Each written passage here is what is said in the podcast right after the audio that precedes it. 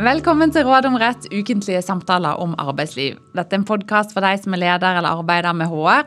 Jeg heter Siri Falk Olsen og er advokat og partner i advokatfirmaet Reder og sitter her som vanlig med min kollega og partner Ragnhild Nakling. Vi arbeider hver eneste dag med arbeidsrettslige problemstillinger, og i dagens episode så skal vi snakke litt generelt om arbeidsgivers plikter i Norge. Eh, så Ragnhild, eh, i denne saken så er jeg HR-ansvarlig i et utenlandsk selskap som ønsker å etablere en filial i Norge. Og jeg tar kontakt med deg for å høre litt om hvordan vi skal gå frem. Selskapet ser for seg å ha ett kontor, og at dette kontoret skal være lokalisert i Oslo.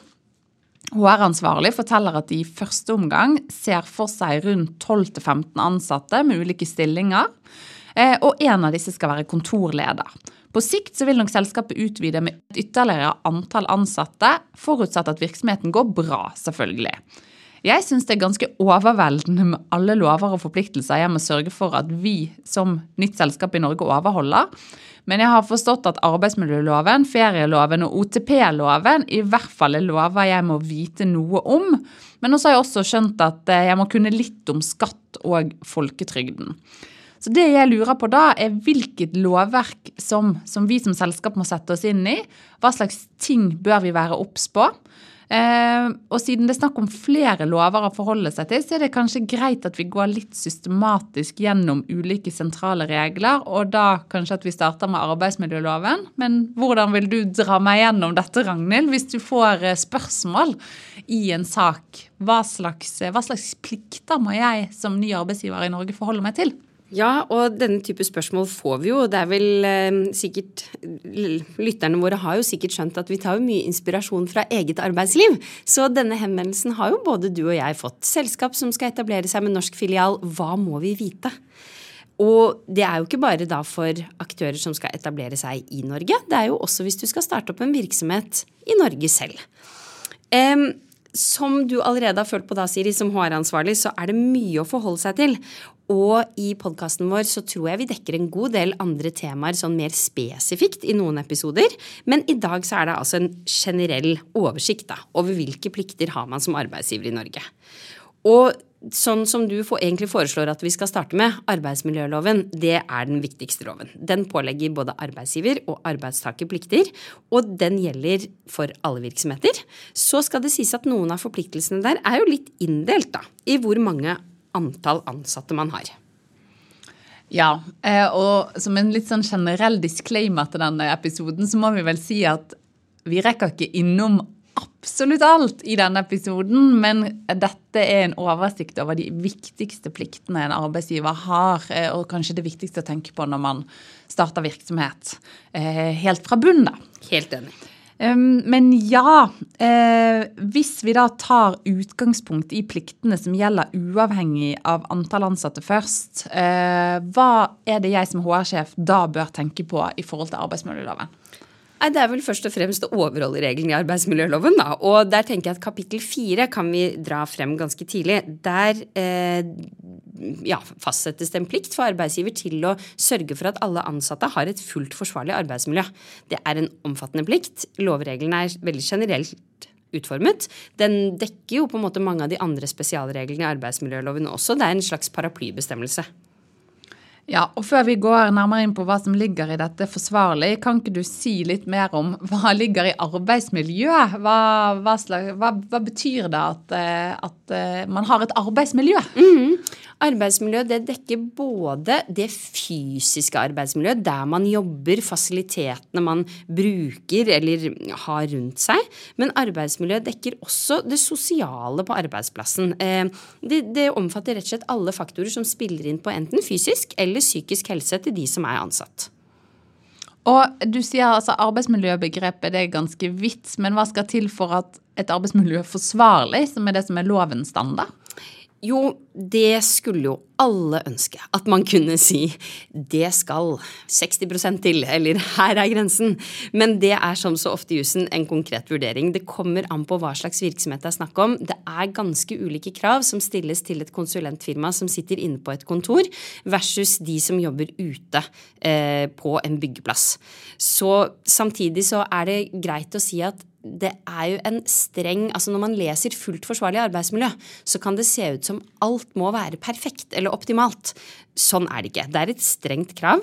Man skal eh, vie arbeidsmiljøet tilstrekkelig oppmerksomhet. Man skal sørge for at det er sikkert at man har virksomhet på HMS, helse, miljø og sikkerhet, som dekker både det fysiske og det psykososiale. Men det er ikke sånn at risiko for, for alt som er negativt, eller alt ubehag, må kunne elimineres. Sånn er jo ikke livet heller. Og du snakket her om eh, du nevnte både det fysiske og psykososiale arbeidsmiljøet. Kanskje du kan begynne å si noe om hva ligger i at man skal ha et fullt forsvarlig psykososialt arbeidsmiljø? Ja, det er også noe man kunne si mye om, men at det ligger vel at man skal sørge for at de ansattes integritet, sagt med fine ord, egenverd, det å, det å føle seg kanskje ikke optimalt vel på jobb, men, men det å ha det forsvarlig også psykisk, psykososialt på jobb, er like viktig i dag som det fysiske arbeidsmiljøet. Og der har arbeidsgiver en plikt til å tilrettelegge. Den tilretteleggingen, det kan være enten aktive tiltak pga. hendelser som har oppstått, eller bare generelt å sørge for at på en måte alt ligger til rette for at man skal ha det bra på jobb, også psykisk.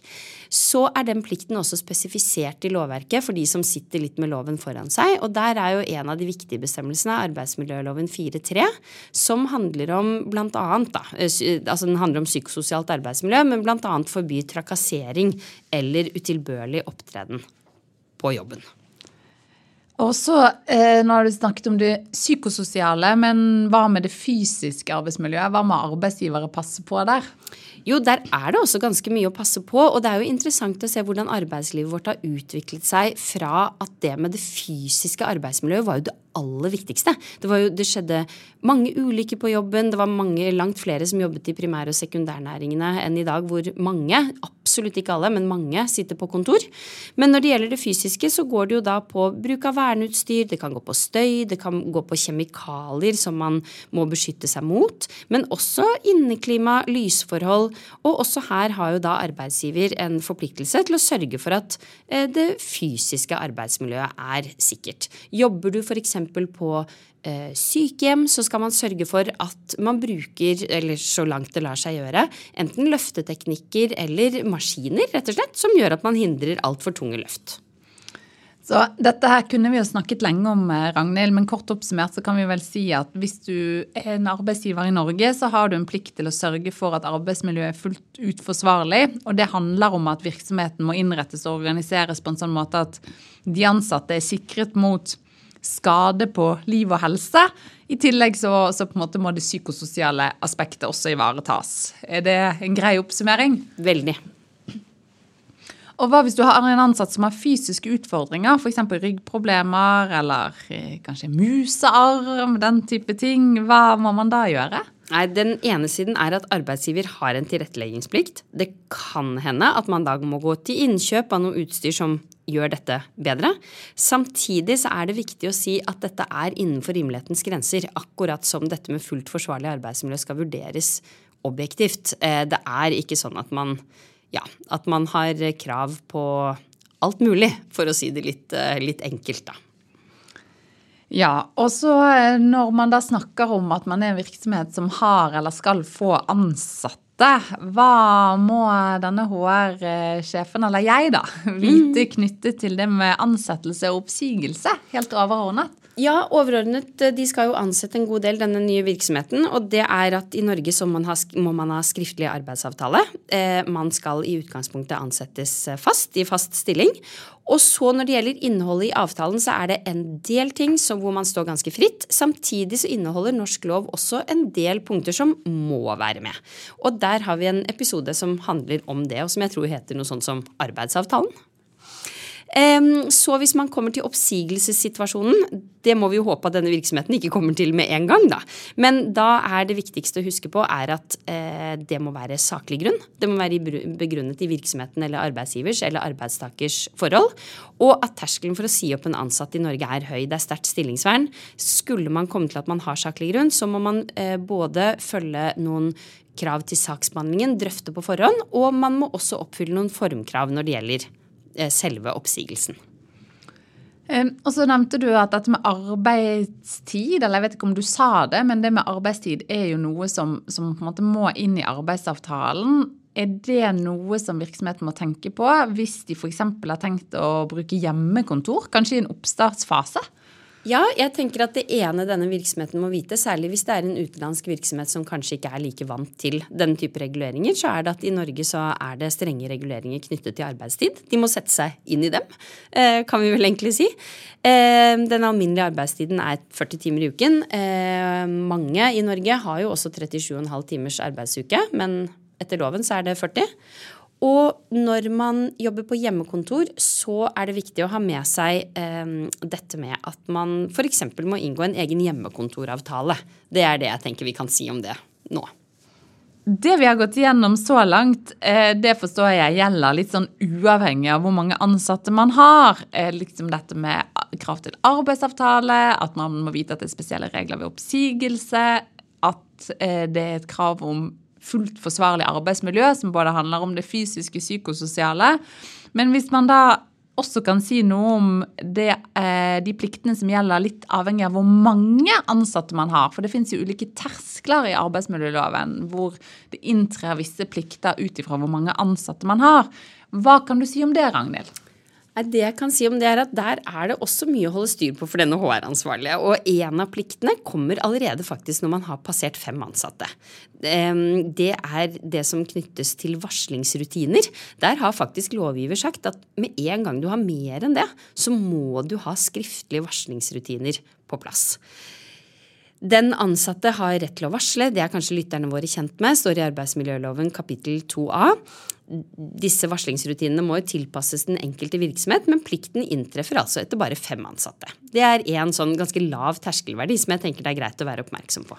Og eh, Verneombud har vi også en helt egen episode om eh, tidligere. Hva dette er og, og, og hva som er verneombudets oppgaver. Men når må en virksomhet passe på å ha verneombud? For det er jo også en plikt som inntrer på et det, tidspunkt. Ja, det er det. Det er i utgangspunktet har alle plikt, men hvis man har færre enn ti ansatte, så kan man avtale en annen ordning enn et eget verneombud. Men idet du blir mer enn ti ansatte, da må, verne, må verneombudet være på plass. Og da er det også viktig dette med å passe på at verneombudet får opplæring. Det vil være en forpliktelse man har. Det stemmer. Og Foreløpig så har denne virksomheten i eksempelet vårt eh, planlagt at de kommer til å være i underkant av 20 ansatte. Er det noe som skjer hvis de blir flere enn 20 ansatte, eller til og med 50? Ja, vi får jo håpe at de vokser etter hvert og blir flere og flere. Eh, når de tipper 20, eh, eller når de kommer over 20 ansatte, så kan eh, de ha plikt til å opprette et arbeidsmiljøutvalg. I hvert fall hvis en av partene krever det. Og når de passerer 50 ansatte, da skal de ha arbeidsmiljøutvalg, eller AMU. Noe vi også har en egen episode for. Og det, altså det, det AMU skal gjøre, da, det er å jobbe for at arbeidsmiljøet i virksomheten er fullt forsvarlig, delta i miljø- og vernearbeidsplanlegging, og følge med på utviklingen av arbeidsmiljøet. Dette med over 50 ansatte, det er også, inntreffer også en annen plikt for arbeidsgiver, og det er å sørge for å ha jevnlig informasjons- og drøftelses hva skal vi si, møter eller informasjon og drøfting i virksomheten. Eh, det skal man sørge for å overholde hvis man jevnlig har mer enn 50 ansatte. Ja, og Det betyr jo også at selv om man da kanskje ikke har tariffavtale eller tillitsvalgte, så må man da som arbeidsgiver passe på at man har representanter for de ansatte eh, man kan drøfte ting med eh, som, som, når det kommer opp temaer som er viktig for eh, de ansatte på arbeidsplassen. Det er helt riktig, og det tenker jeg er klokt, fordi vi opplever vel sikkert begge to ganske ofte at det er oppstått en eller annen situasjon som gjør at man trenger noen arbeidstakerrepresentanter. Og så ringer de, og så har ikke det på plass. Og det er kjedelig hvis det først på en måte, hvis det behovet kommer rett før en nedbemanning eller rett før noe veldig krevende skal skje. Så ja, er det vanskeligere enn om du har det på plass fra starten av.